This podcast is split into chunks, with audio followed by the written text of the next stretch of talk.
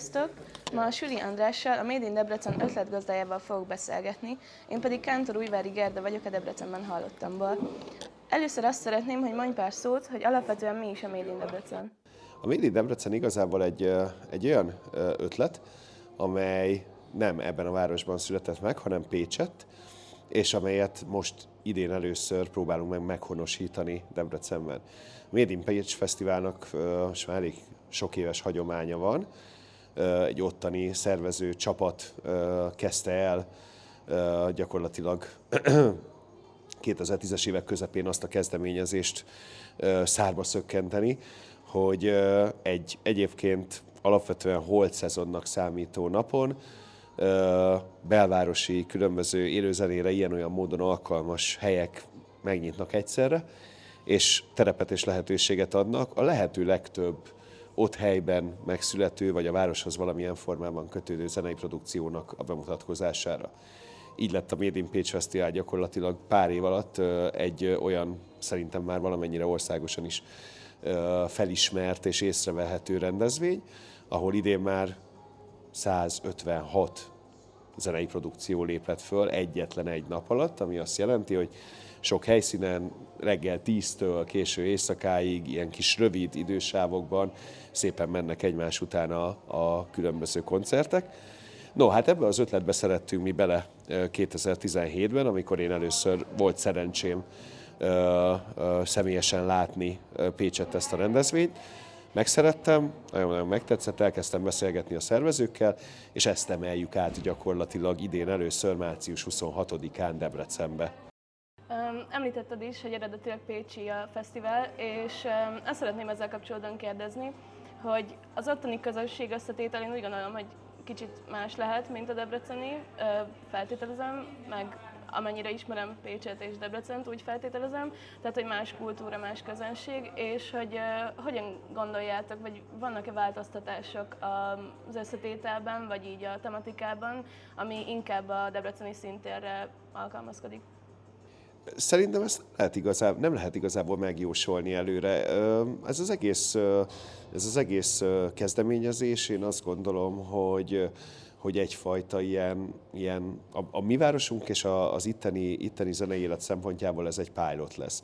Átvesszük a receptet, nem változtatunk különösebben rajta, tehát az, az, azokat a módszereket követjük, amelyet a pécsi szervezőbarátaink is alkalmaznak, és meg fogjuk látni, hogy ez működőképes a Debrecenben. Mi igazából arra törekszünk, hogy a lehető legszélesebbre nyissuk az ajtót minden szempontból, mind a zenei produkciók, mind pedig a közönség szempontjából. A lehető legegyszerűbben és könnyebben hozzáférhetővé tegyük ezt a lehetőséget mindenki számára, és majd meglátjuk, hogy a, egyrészt meglátjuk, hogy a zenei produkciók hogyan élnek vele, és azt is meglátjuk majd, hogy a, hogy a közönség hogyan él vele, hogyan reagál rá, hogyan fog az első, első ilyen fesztiválon egyáltalán viszonyulni ehhez az egész ötlethez. Elmegye olyan zenekarokat is meghallgatni, amelyek a komfortzónáján kívül vannak zeneileg. A lehetőség adott lesz, és ilyen szempontból azért azt mindig tudni kell, hogy hogy ez elsősorban egy ilyen, én azt gondolom, hogy az elsősorban egy ilyen ünnep. Egy ünnep, ami, amelynek a legfontosabb üzenete az az, hogy, hogy hogyha zenélsz bármilyen formában, akár rockzenét, akár hip-hopot, akár klasszikus zenét, akár népzenét, akár elektronikus zenét csinálsz, és színpadra tudsz vele állni, és itt készíted Debrecenben, vagy valamilyen formában kötődsz a városhoz, akkor állj vele színpadra ezen a napon, kapja meg ezt a lehetőséget mindenki, és ünnepeljük együtt a Debrecenben készülő zenéket. Ezzel is kapcsolódóan egyébként, hogy a pécsi vonatkozás, mint hogy úgy gondolom, hogy ott az underground kultúra eléggé megy, és az, hogy alapvetően feltörekvő, meg ez egy ez egy teljes debreceni összünnep. Toltok valakit ö, konkrét célközönségnek, vagy ki az, akire így számítatok, hogy meg fog jelenni? Szerintünk a, egy ilyen rendezvénynek a legfőbb hírhozói azok, azok maguk a zenészek. Tehát hogy hír, hírvívői, hírcsatornái, azok maguk a zenészek. Tehát azt gondolom, hogy, és ez Pécsett egy tök jól bevált recept, hogy a, hogy a pont a nagy mennyiségre való tekintettel, a formációk megszólítják a saját követőiket, közönségüket, barátaikat, közvetlen környezetüket, családtagjaikat, osztálytársaikat, stb. És rajtuk keresztül ez egyfajta ilyen multiplikatív módon közönséget generál erre az egész rendezvényre. Nyilván tudjuk, hogy ennek a, ennek a Made in Debrecen ötletnek nincs még igazából ilyen beágyazottsága a városban, hiszen először kerül majd rá sor. Nem tudjuk, hogy önmagában egyébként mekkora közönséget mozdít meg, de abban bízunk, hogy pont, pont ez a sokaság, ami a zenei produkciók számában is megjelenik, ez a sokaság generál majd egyre nagyobb érdeklődést, és, és utána már azoknak is fölcsillan a szeme, akiknek egyébként semmi közük ez az egészhez, csak látják, hogy történik valami olyan dolog, ami eddig még nem volt, és kidugják az orrukat az otthonaiból, és elmennek ezeknek a, ezeknek a kluboknak valamelyikébe. Értem. Um, és az idei Made in Pécsen ugye megjelentek Debrecenik is, például a Krámz, akivel én is csináltam interjút. Um, az itteni fesztiválon lesznek pécsi zenekarok vendégként esetleg? Abszolút lesznek, tökéletesen ráéreztél erre a kérdésre. Lehet, uh, a Made in, uh, azt még nem az még, az még egyáltalán nincs, nincs is még véglegesítve, és hogyha véglegesítve lenne, sem lenne publikus az előtt, hogy a debreceni uh, zenekarok számára lezárul majd a jelentkezés, de nyilván erről is fogunk majd külön beszélni. Szóval a lényeg a lényeg, hogy, hogy az, egy, az egy sok éves hagyomány a pécsieknél, hogy mindig van vendégváros. Ők is több különböző, mind magyar, mind határon túli, mind nemzetközi várost vendégül láttak már Made in Pécs Fesztiválon. Volt, amikor Liverpool volt, Pécsnek a vendégvárosa volt, amikor Veszprém, stb. Ezt a hagyományt is átvesszük, velük egyeztetve természetesen, és hát ez ilyen magától értetődő gesztus volt, hogy az első Made in Debrecen Fesztiválnak akkor Pécs legyen a vendégvárosa, az egyik, és lesz egy másik is, az pedig Nagyvárad lesz. És Debrecenen is rengetegen zenélnek amatőr módon, és uh, szerintem ez egy nagyon jó lehetőség így az első koncertezőknek, akik itt elkezdtek zenélni, uh, és ezzel kapcsolatban azt szeretném kérdezni, hogy hányan jelentkeztek eddig, hogyha ezt meg lehet mondani, és hogy mennyi fellépőre számítatok összesen? Ó, bevallom őszintén, hogy, hogy nincs friss adatom, egy olyan másfél-két héttel ezelőtti adatom van, akkor 40 fölött járt azoknak a produkcióknak a száma, akik jelentkeztek. Azért hangsúlyozom mindig ezt, hogy produkció, mert hogy messze nem csak zenekarról lehet szó a szó hagyományos értelmében, hiszen lehet, hogy valaki egymaga lép színpadra, énekel egy szál hangszerrel, vagy elektronikus live csinál, vagy hip-hopot. Tehát, hogy nem feltétlenül csak zenekarokról lehet szó. Szóval akkor 40 fölött jártunk egyébként. A mi ilyen hozzávetőleges számításunk, becslésünk szerint egyébként simán lehet egy ilyen 80-90 működő formáció a városban. Azt gondoljuk, hogy ha ebből egy ilyen 60-70 jelentkezik, és még van február 27-ig idő a jelentkezésre, akkor szerintem az első Made in Debrecennel teljesen elégedettek lehetünk. És um, ezt ugye úgy láttam, hogy hét külön helyszín lesz, um, és ez hogyan fog működni? Tehát, hogy helyszínenként külön jegy, egyáltalán lesz jegy, és hogy tehát, hogy hogy kell ezt elképzelni majd a bejutást az egyes koncertekre?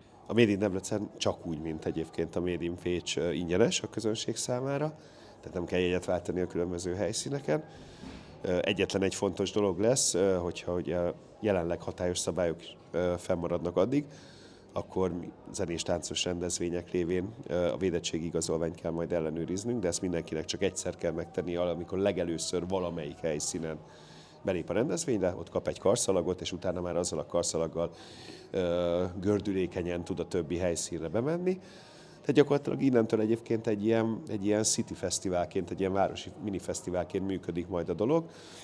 Párhuzamosan indulnak a koncertek, ilyen 20 perces idősávok vannak, és közte 20 perces átszerelések.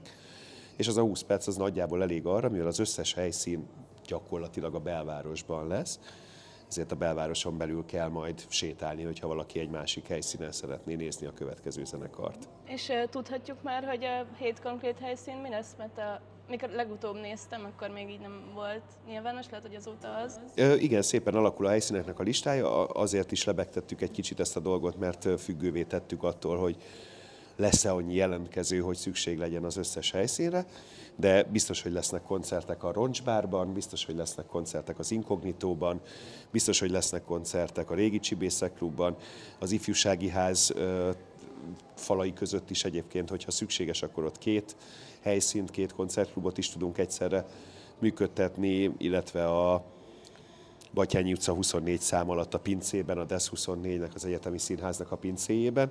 Ezek a helyszínek már többé-kevésbé biztosnak tűnnek. Természetesen, amint meg lesz, lezárul a jelentkezés, látjuk, hogy hány zenekar, hány zenei produkció jelentkezett, és ehhez hány helyszínre van szükség akkor fogjuk véglegesíteni és egyben nyilvánosságra hozni a, a helyszínek szerinti programot. Um, és még azt szeretném kérdezni, hogy ugye ez a 20 perces felosztás szerintem amúgy nagyon érdekes, és ez működik Pécsen évek óta, de attól függetlenül mégis meg, meg szeretném kérdezni, hogy ehhez így mekkora háttérmunka kell, meg, meg ezt hogy képzeljétek el, hogy a 20 perces felosztás, az, az gondolom nagyon pörgős, és hogy ez, ez hogyan működik, hogy több helyszínen folyamatosan... Ami ezzel kapcsolatban nagyon fontos, és egyébként kicsit meg is magyarázza azt, hogy miért tartott mondjuk négy évig, mire az az elhatározás tetté formálódott, hogy legyen egy ilyen rendezvény Debrecenben, hogy kellett egy olyan szervezeti háttér, tehát kellett egy olyan csapat, aki, akiről úgy gondoljuk, hogy ez képes lehet tető alá. Nagyon fontos hangsúlyoznom, már csak azért is, mert hogy most éppen nincsenek itt, hogy a, hogy a Debreceni Roksulinak a kis háttércsapata óriási szerepet vállal ennek a rendezvénynek a megszervezésében és lebonyolításában, a, ami több szempontból is fontos. Egyrészt azért, mert nekik is vannak olyan szakembereik az oktatóik között, akik láttak már ilyen rendezvényt, akik adott esetben akár színpadmesteri rutinnal rendelkeznek,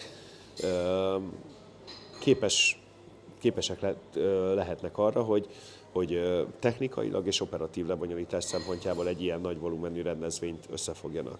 És a, konkrétan a kérdésedre a válasz az nagyjából abban rejlik, hogy minden helyszínen lesz egy olyan megfelelő technikai felkészültséggel rendelkező stáb, úgynevezett backline, ami az erősítőket, dobfelszerelést, háttér dolgokat biztosítja, hogy a fellépőknek tényleg csak a hangszereiket kell magukkal vinni, a saját személyes hangszereiket, meg az énekhangjukat kell majd magukkal vinni a helyszínekre, és emellett mindenhol olyan tapasztalattal rendelkező, talpra esett, határozott fellépésű és jól kommunikáló színpadmester is lesz, aki pedig igenis figyel arra, hogy mindenki betartsa ezt a 20 percet, Úgyhogy bízunk benne, hogy minimális csúszással szépen levezényeljük majd ezt a napot. Hát um, nagyon köszönöm, én ennyit szerettem volna kérdezni igazából, hogyha valamit még szeretnél hozzátenni esetleg, akkor nyugodtan. Jó, Jó oper, hát oké. Okay. Annyi operatív információt azért mindenképpen megosztanék a, a, a podcastnek a hallgatóival, hogy a www.madeinDebrecenFestival.hu címen, ez viszonylag könnyen megjegyezhető cím, találjátok meg azt a jelentkezési lapot, amelyen bármilyen zenei formáció, és hangsúlyozom tényleg stílustól teljesen függetlenül DJ-k számára is van jelent, lehetőség jelentkezni, őket egy kis afterpartiban próbáljuk majd megbemutatni ezen a napon, és egyébként is tényleg bármilyen zenei stílusból, világból érkezel, érdemes ezt a oldalt meglátogatni. Egyrészt ott az összes alapvető információ megtalálható a jelentkezésről, és akkor február 27-ig kell elküldeni ezt a kis jelentkezést, amely alapján aztán majd a szervező társakkal együtt beosztjuk a zenei produkciókat, és remélhetőleg március első felében a nyilvánosságra is tudjuk hozni azt, hogy kik, hol, mikor lesznek megtekinthetőek a Made in Debrecen égisze alatt. Hát ezt mi is nagyon várjuk, és köszönöm szépen a válaszokat. Én is köszönöm.